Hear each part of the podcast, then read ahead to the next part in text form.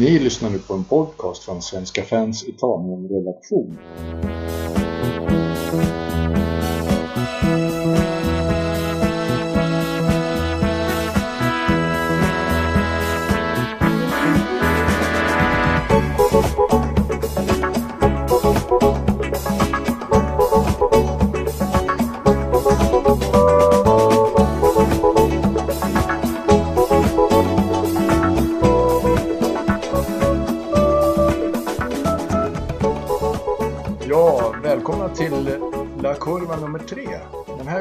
Ska vi diskutera lite eh, frågor om Juventus framfart i ligan.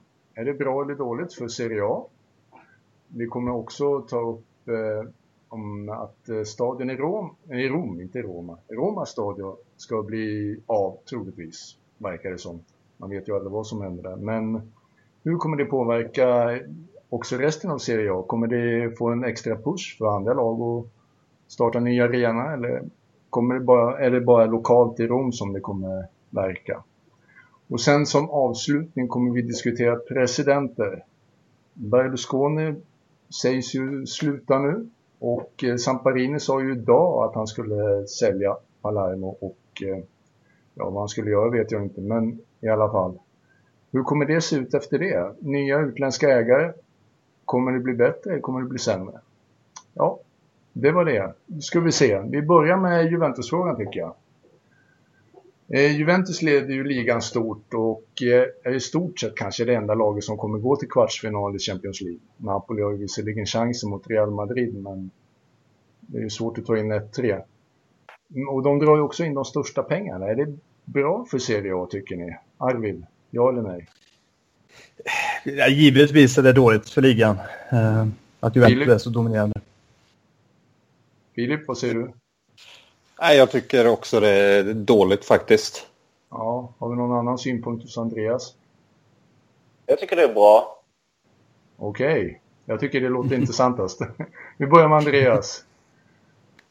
Ja. Nej, men alltså, givetvis, så, eftersom jag har ett Milan-perspektiv, så från, om jag tittar på det så, så är det självklart eh, uselt att Juventus Eh, går så bra som de gör. Men om jag tittar rent krasst på hur det påverkar ligan så tycker jag bara senaste, senaste sommarens transferfönster blev det ett bra kvitto på att Juventus eh, kraftiga ekonomiska muskler gynnar egentligen alla lag i ligan då de eh, kan... Eh, alltså de köpte Iguin, de köpte Pjanic eh, och pengarna liksom... Eh, deras Europapengar kommer ner i ligasystemet. Vilket på sikt borde gynna de flesta av våra italienska klubbar.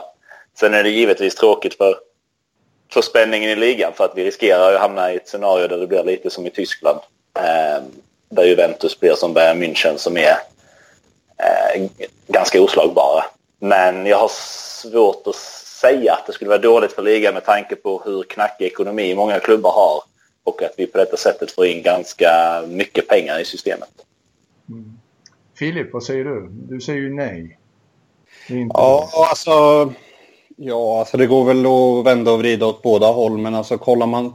Först och främst så blir ju klyftan eh, jättestor i ligan när det blir på det här sättet. Det har man ju sett nu när Juventus tågar på mot nästa ligatitel och har gjort så de sista åren egentligen. Eh, man ser även att lagen bakom drar på sig stora ekonomiska skulder för att kunna försöka hålla jämna steg. Man har eh, andra investerare i typ av asiater liknande för att ha någon chans till en god ekonomi och jag tycker även vi kan se det i att att de lag som kommer upp från Serie B får bara svårare och svårare att hävda sig på grund av att det kostar mer att köpa ett, ihop sig till ett lag som ska hålla Serie A och kunna behålla en plats i ligan till nästa säsong. Så det kan vara positivt i att de drar med sig kanske de andra klubbarna men jag tror det kommer bli negativt till vi faktiskt kommer till den dagen där de andra har börjat repa sig ekonomiskt och börjar komma ifatt. Så kan man väl säga. Men ser du, alltså de här Serie B-klubbarna, att det påverkas av att Juventus går så bra? Det är liksom inte samma liga. Ja, men jag tror att kollar man på Roma, Milan, Inter. Alltså det är klubbar som helt plötsligt har börjat köpa för mer pengar, alltså ännu mer. Och det är oftast med pengar man kanske inte heller har i vissa lägen. Det är mycket man lånar in, man köper nästa fönster så betalar man av det sista. Man tar nya lån. Alltså det, det byggs på på något sätt och det känns som att där någonstans skapas klyftan också från det övre skiktet till det nedre skiktet. Eh, jag tror att det har en viss, alltså en viss faktor till det hela. Att, eh, kollar man Pescara så har inte de ekonomin nu till att eh, köpa ihop till ett lag som håller i Serie A. Men för tio år sedan hade en klubb som kom från Serie B möjlighet att kunna spänna sina muskler och köpa in hyfsat bra spelare och, så, och på så pass hålla sig kvar i ligan då. Så det är så jag resonerar i hela. Arvid, håller du med han eller har du andra argument? Ja, alltså jag, jag tänker ju främst på liksom den sportsliga dominansen för Juventus. Alltså ekonomin i all eh, ära så. Samtidigt så är det ju liksom ganska cementerat utifrån FFP. Jag tänker främst de stora utmanarna på senare tid med, med Roma och Napoli har ju i slutändan varit tvungna att sälja spelare för att få ordning på boksluten. Eh, så det, det, är ju det är på det sportsliga planet som jag kan tycka att det är... Hade hellre velat se en, liksom en trio eller möjligtvis en kvartett av lag som åtminstone kan liksom eh, slåss om det. Eh, så att jag har väl inte så mycket mer att tillägga än vad som har blivit sagt redan. Men, ser du, är det, är det, men det är ju inte Juventus fel riktigt väl att det, jag menar är inte Ska de gå sämre för det tycker du? Eller är det ett bättre argument? Eller? Nej, alltså jag tänker väl bortsett, alltså nu tänker jag ju bort Juventus här. Jag, jag vill se det som Serie A som, som liga kanske snarare att det liksom finns ett bredare, en, en tätare topp än vad som har varit fallet. Eh, och rent, att det rent sportsligt inte domineras och inte både sportsligt och ekonom, ekonomiskt domineras så på det sättet av Juventus som egentligen hamstrar all talang i, i Italien idag. Eh, och liksom andra lag får nöja sig med, med leftovers eller liksom, ja, eller överpris för den delen som Gagliardini till exempel. Men eh, ser du nu publikt också sådär att det är ett problem att Juventus drar ifrån Andreas? Eh, med publik, eller vad sa du? Jag tänkte rent publik, alltså intresset för ligan. Tror du att det hämmas också av att Juventus går så bra? Så att eh, publikfallet kommer liksom eskalera ännu mer? Nej, det tycker jag. Ehm, då tycker jag man är ganska svag som support om man tycker det. Jag tycker Serie A fort, även om Juventus har en särposition så finns det ju Tittar man i tabellen så finns det ju flera andra superintressanta liksom etage med lag om vi bara tittar i årets tabell bakom Juventus så menar har vi egentligen Roma, Napoli, Atalanta, Lazio, Inter, Milan, kanske Fiorentina som ska göra upp om Europaplatserna. Mm. Eh, och kan man, supporter, eller kan man som supporter inte se att det skulle vara intressant att följa så eh, då, då är man kanske inte så stark i sitt supporterskap, kan jag tycka. Håller du med Filip? Alltså, det, ja, alltså just när det kommer till den fasta publiken och fansen, alltså det är väl självklart att det ska ju inte svalna på grund av att, eh, att Juventus är så pass överlägsna. Det jag tror eh, risken kan bli med det hela är att intresset för ligan av nya intressenter tappas. Om man kollar från andra länder som kanske inte har följt Serie A och sen börjar man kolla och så ser man ändå bara att Juventus vinner år efter år. Eh, jag kan ju bara dra att jag inte är speciellt intresserad av tysk fotboll på det på grund av just det. Det är Bayern München som vinner år efter år efter år. Det finns ingen riktig spänning i ligan på det sättet som det kanske finns i ett eh, Premier League till exempel. Där man vet att det kan vara fyra lag som i alla fall gör upp om ligatiteln i slutändan. Men den tyska fotbollen eh, är inte direkt drabbad av låga publiksiffror utan de har ju de har väl nej, ökat jag... från år till år. Jag menar alltså ja, rent... nej, men jag tror inte att eh, det är det som är fallet i Italien, att de tappar publik på matcherna. Det kan jag inte tänka mig. För det är det jag menar, att jag tror inte publikintresset svalnar i just Italien eller från de inbitna supportrar som redan finns oavsett hur, alltså hur överlägsna Juventus skulle bli. Det är mer det här att kollar man att man försöker få in nya intressenter från USA, Asien. Man vill ha in en större, bredare publik för att skapa en mer attraktiv liga. Jag tror att det kan falla på att Juventus blir så pass överlägsna. Sen är ju det självklart inte Juventus fel. Det är ju lagen bakom som måste rycka upp sig och på något sätt, på något sätt hitta en väg tillbaka. Mm. Vad, vad ska de hitta på då, Arvid? Ja, alltså det tycker jag väl att det är Filip är långt på spåren. Jag tänker att många lag förutom Juventus är väldigt provinsiella i sitt tänk när de ser på, på sin egen utveckling och sitt eget lag och många gånger kanske har alldeles för mycket fokus på Juventus. Det kanske är där det som hämmar andra lag i toppen av Serie A. Att man, man fokuserar på vad Juventus gör och att man ja, ska slå dem men tappar bort lite det här egna projektet som man egentligen borde kanske satsa all energi på. Men finns det inget positivt? Som Andreas sa det här med Higuain-pengarna. Om det kommer till godo på det sättet som det gör, det måste ju vara... De där pengarna skulle väl aldrig funnits annars med Napoli om inte Juventus hade dragit ifrån som de gjorde. Ja, fast återigen, jag tänker ju fortfarande på det rent sportsliga, att det innebär att de nyper en, ja, en av de bästa målskyttarna. Så. Men, eh, ja. Men eh, skillnaden från en stor eh, målskytt är väl inte så stor. Om Napoli bygger upp ett bra lag för den 190 miljoner eller vad det nu blev för någonting som de fick i rena pengar.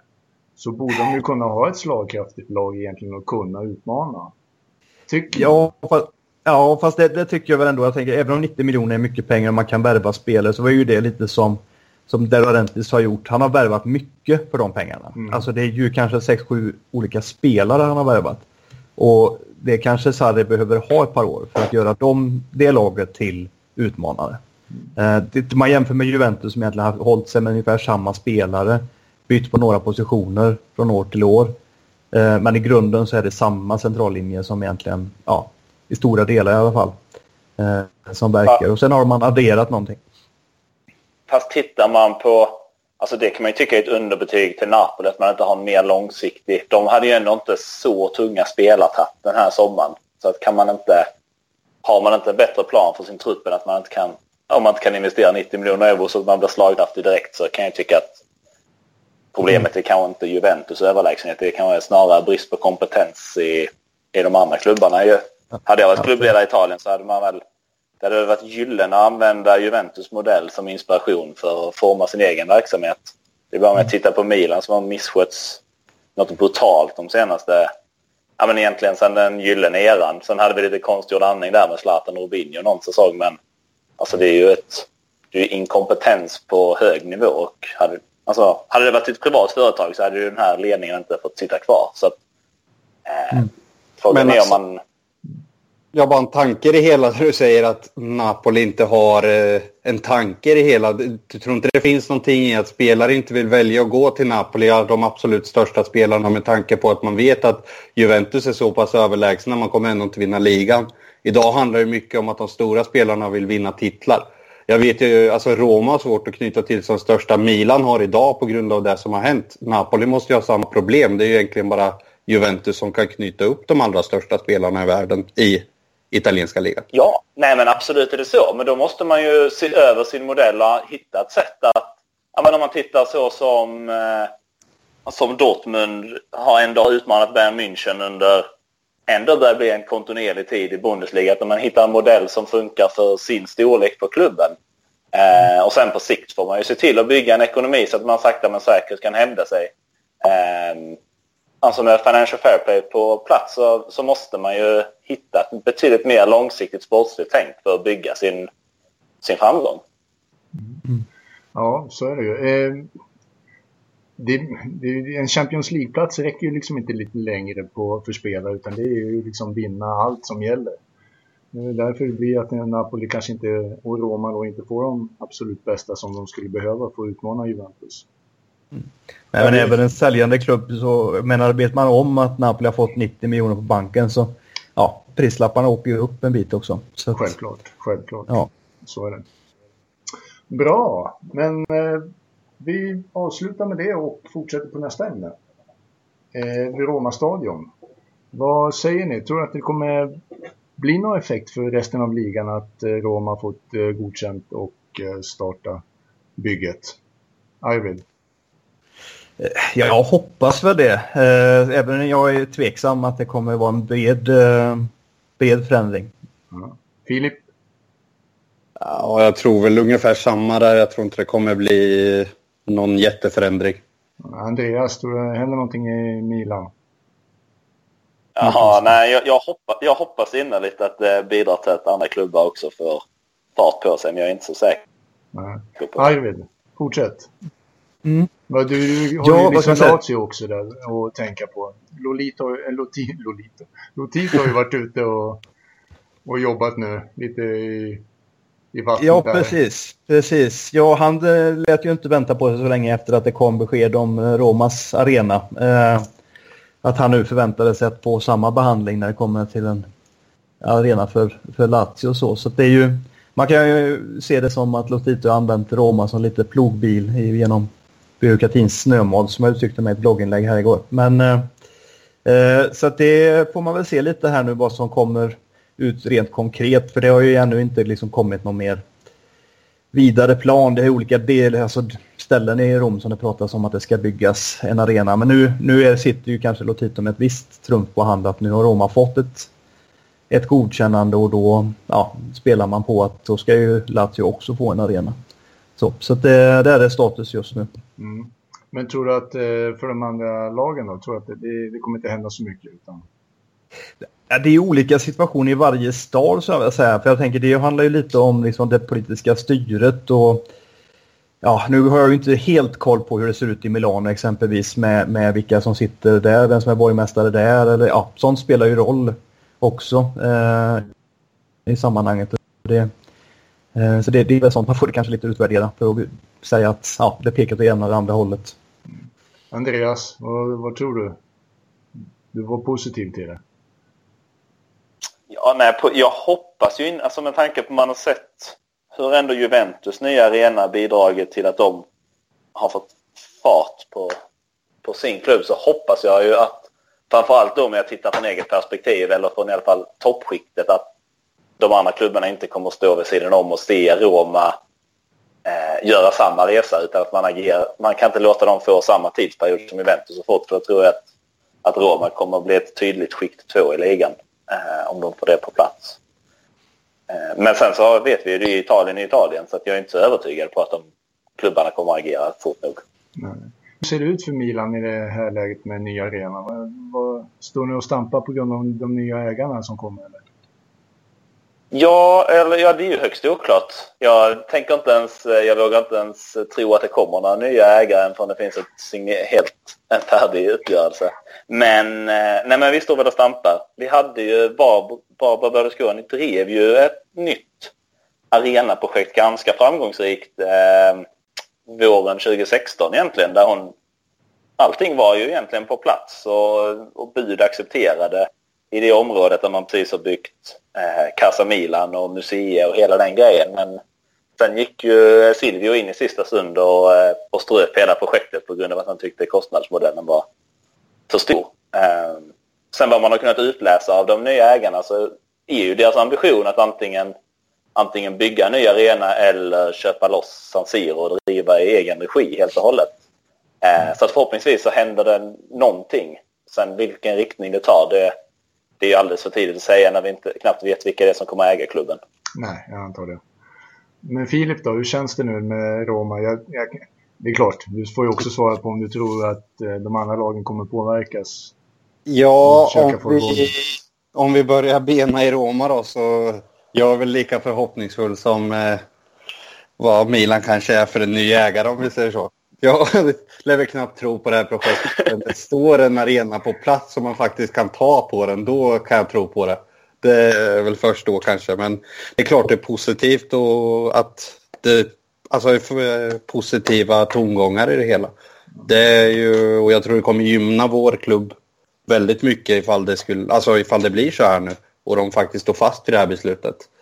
Eh, jag hoppas ju självklart att fler lag kommer ta efter.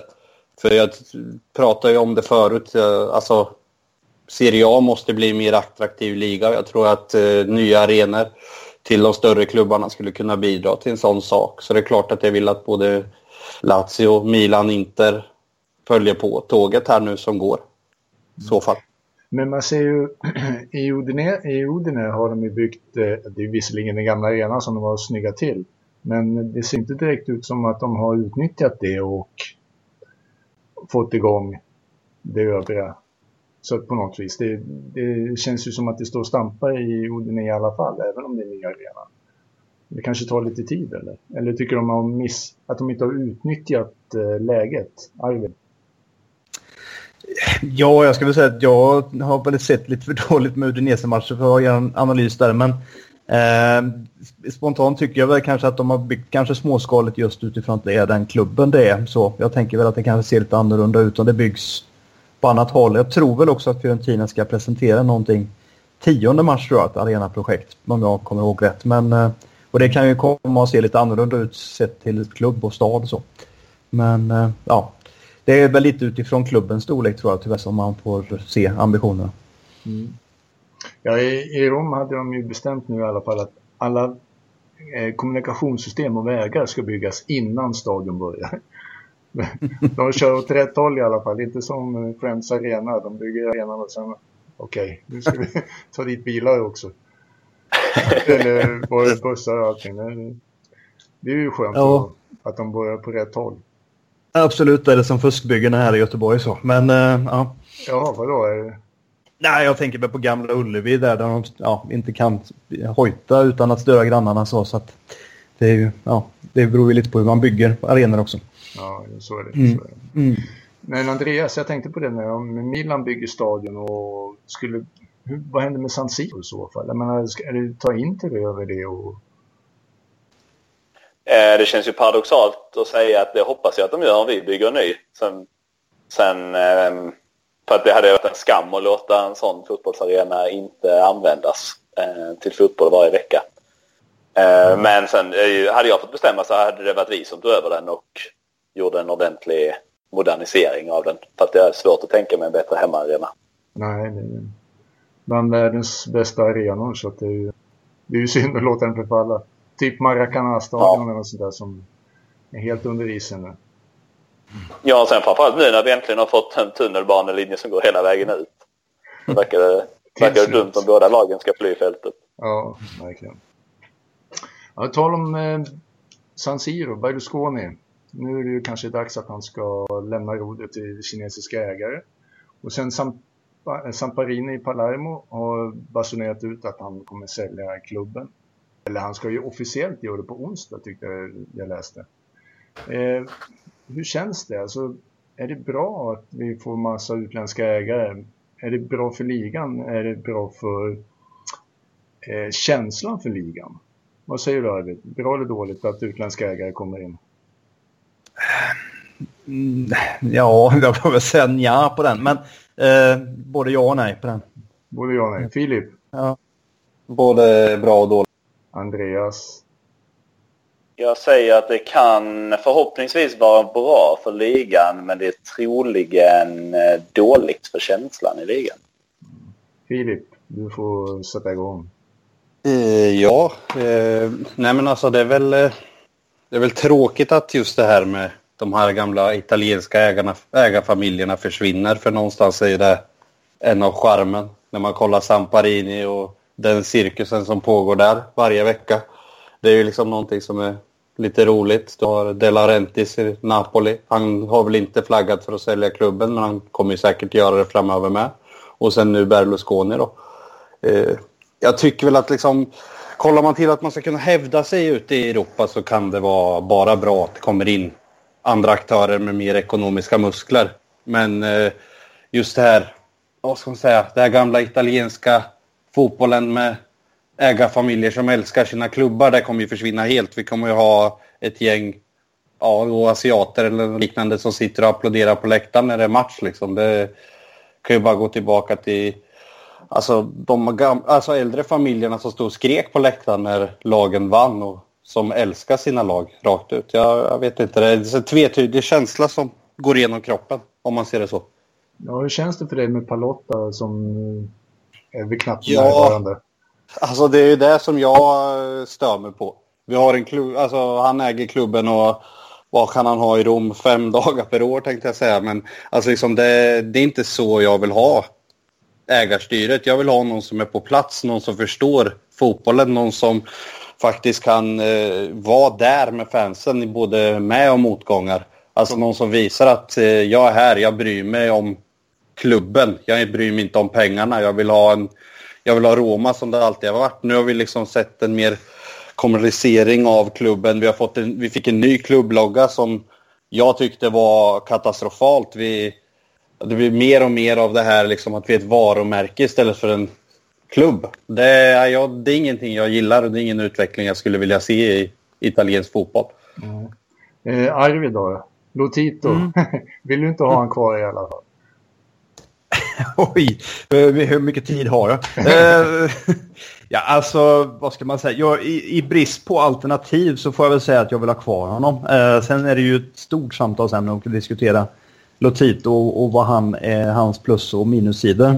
Eh, så den, den får jag nog kanske passa på till samma tillfälle för att kunna eh, gå tillbaka till ursprungsfrågan. Men, men det som jag tänker ändå med utländskt ägande i sak är ju lite att grundfrågan är ju vilka är de, vad vill de eh, Eh, för mig? Och är de lite naiva ägare som kanske Palotta har varit i viss mån att underskatta den italienska byråkratin så, så är det ju liksom ett brist för ett dåligt ägarskap. Vad, vad har Tohir uträttat i Inter egentligen innan Sunin kom in? Och, eh, sen, är det ju liksom vad, vad är man ute efter? Är det att liksom politiskt marknadsföra sig själva eller tjäna pengar? Eller, ja, det är ju det som avgör lite vad det är hur bra det är med utländskt ägande. Samtidigt så har vi ju de gamla italienska presidenterna som många gånger har använt sitt klubbägande som ett sätt att positionera sig rent politiskt och kanske nära lite olika ambitioner om att komma in i förbundet som exempelvis Lotito har gjort och, ja, och så vidare. Så det, är, det är lite dubbelt det där. Det liksom finns en skärm med de gamla, gamla italienska gubbarna men frågan är om de kanske också bidrar till att liksom cementera ligan och ligastrukturen. De har liksom hittat sin... De har, har skaffat sig en hackordning inbördes och sen spelar de då rollerna sen. Det är ju, om man vill ha konspiratoriskt lagd så, så kan man se på italienskt ägande på det sättet. Mm. Men föredrar du egentligen att eh, vi har italienska ägare fast inte så bra liga fast än att ha en utländsk ägare och kanske lite bättre kvalitet på ligan?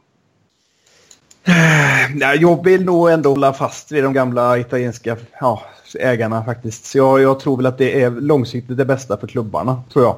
Även vad de, de kan, det kan vara nedsidor med ekonomi och annat och, och sportsliga eh, satsningar och så. Men jag tror att man på lång sikt kommer klara sig bättre som klubb eh, och inte ja, löpa lika stor risk och, och gamblas bort så att säga. Men, Andreas då, med ny kines, kanske, betonar Ja, det är en jättebra fråga.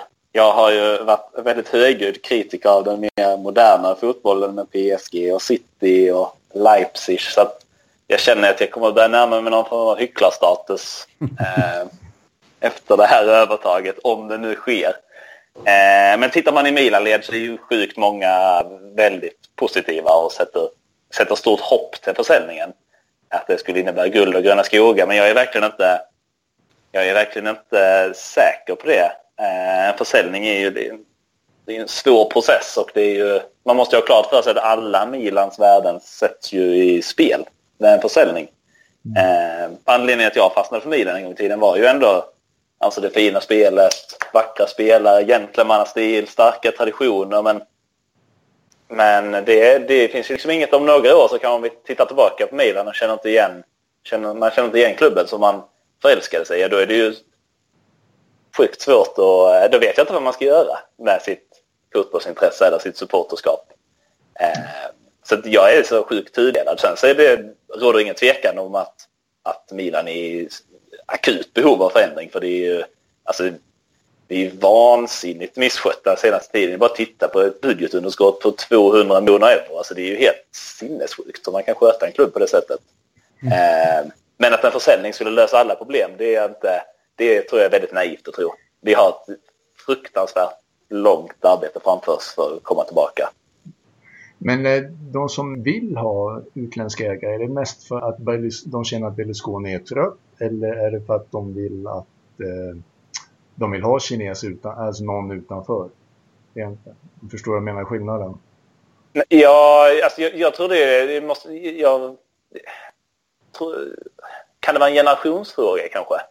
För jag tänker, alltså ibland när jag, man, när jag pratar med yngre supportrar, kanske just knutet till Milan, men att man ser inte de är ju mycket mer fästa vid, vid framgång och vid spelare snarare än klubbar skulle jag vilja säga. Och då spelar det kanske inte så stor roll var ägaren kommer ifrån eller vilka traditioner han har utan det handlar väl snarare om, om den klubben han formar. Men det är ju inte riktigt den, det är inte riktigt från den bakgrunden jag kommer. Eh, jag ser ju mycket mer i klubben än bara vilka spelare som är i startelvan. Eh, så jag, vet, jag hade ju garanterat föredrag, alltså en italiensk ägare hade ju varit att föredra i min bok på alla ja. sätt och vis.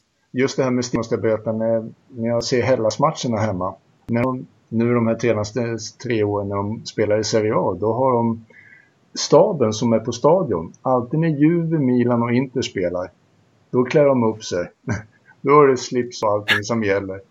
När det är provinslag, även Roma då, då är det ingenting speciellt utan då är det vanlig laid back stil som gäller. Det är lite, man följer efter de där mönstren, vilka som är överst i hierarkin. Mm. Faktiskt. Ja, eh, jag vet inte, vad, vill du tillägga någonting Filip? Ja, jag vet inte. Jag sitter och suger in allting vad de säger och vad de tycker. Det är ändå lite intressant att höra vad alltså, andra klubbar funderar över som fortfarande har italienska ägare och vad de känner gentemot oss då som har eh, gått igenom den här resan. Även om det nu var amerikanska ägare som blev istället för italiensk ägarfamilj då. Mm. Så nej men det är väl en svår fråga att kunna ta på 45 minuter tänkte jag säga. Man skulle kunna ta det som igår så satt jag och diskuterade i två timmar med en kompis angående liksom att det här att vi pratar om eh, folk vill att man ska vinna ligatitlar och man ska värva spelare för 5, 6, 700 miljoner men samtidigt så vill man inte ha kinesiska ägare. Nej, men, alltså, man måste någonstans bestämma sig. Vad vill man ha? Vill man ha någon, alltså att man värvar spelare för de summorna eller vill man ha en italiensk ägarfamilj? För det är det jag landar i, att du kommer aldrig kunna få både och. Det är liksom i princip omöjligt som jag kan se det i dagsläget. Mm. Så. Så, Iron. Ja, jag vill inte jättemycket mer att tillägga. Det är klart, det har ju diskuterats som en eh, saudiarabisk shejk med olika omgångar här när det gäller Lazio och, och sådär. Men det har ju aldrig riktigt konkretiserat sig och Lotito är ju inte så intresserad av att sälja heller. Eh, han vill antagligen ha ett extremt högt bud för att ens lyfta på luren. Så att eh, det blir som en icke-diskussion på något sätt så länge Lotito är envis nog vill hålla sig kvar i Lazio och så. Mm. Det är så jag ser på det. Yes. Ja, jag tror inte vi kommer så mycket längre med diskussioner om eh, italienska och kinesiska presidenter. Vi får fortsätta se vad som händer nu med Milan. Om det händer någonting. Ja, jag känner mig ju... Jag känner, nu har jag varit väldigt negativ ikväll känner jag. Negativ? Eh, ja, men eller skeptisk då. Och, men då tänker jag fortsätta på det inslagna spåret. Eh, bara avsluta med att skicka med en tanke. Och det är ju nu är de inte på platsens ägarna, men att de redan har misslyckats med att övertyga Maldini att det här är ett projekt att, att engagera sig eh, är för mig ett skrämmande stort frågetecken eh, kring. Ja, vad, vad kan det bero på tror du? Alltså, är det att han... Det, det, är inte så att han vill ha en hö, bättre roll bara, det var inte det, utan det var att idén... Han ville väl ha, det var väl egentligen en tredelad anledning. Dels så ville han väl ha eh, en tydlig insyn i projektet. Alltså hur ser den långsiktiga planen ut? Vilket han inte riktigt kände att han kunde få. Eh, och sen så ville han väl ha, det var inte att han ville ha en högre roll egentligen. Det var väl snarare att han ville ha en, en roll som betydde någonting. För vad han blev erbjuden var ju teknisk direktör som skulle arbeta på samma våglängd som sportchefen men båda skulle arbeta med det sportsliga. Eh, och det var högst oklart vem som ansvarade för för vad och vem som hade slutgiltiga eh, säget när man hade olika åsikter. Det kunde de inte heller riktigt eh, klargöra. Eh, och sådana saker. Eh, det finns mycket i den här försäljningen som väcker frågetecken för mig. Allting kring hur det drar ut på tiden. Vi får ju bara se vad som händer nu 3 mars. Eh, men också ett sådant faktum att Berlusconi parallellförhandlade med flera kinesiska konsortium under sommaren. Han bara alltså, ja, ja, mm, vi får se. Men det blir, det blir intressant om det blir av och se vad som händer. Ja, verkligen. Mm. Det kommer bli otroligt intressant att se. För det, är, det är ju fortfarande verkligen ligger i luften bara. Det är, det är ingenting som är konkret. Även om det hela tiden låter Nej. så. Det enda som är, är, är väl... mm. som antyder ja, att det, alltså om man jämför med typ Mr. B-härvan så vad som är positivt i det här fallet är väl att ändå att några hundra miljoner euro har ändå bytt händer och det finns en skugg vad man ska kalla det, en skuggledning i form av eh, personer och Mirabelli som faktiskt ändå har påbörjat någon form. De arbetar i alla fall så att de, som att de tror att de kommer ha ett jobb den 3 mars. Eh, och det är väl, det är väl ändå det är, väl, det är mer än vad vi sett innan i alla fall. Ja, det är positivt. Yes. Ja. Ja, men vad bra. Jag får tacka med den sista avslutningen av Andreas och eh, önska alla lycka till och kanske syns nästa vecka igen. Ha det så bra. Detsamma. Detsamma. Hej.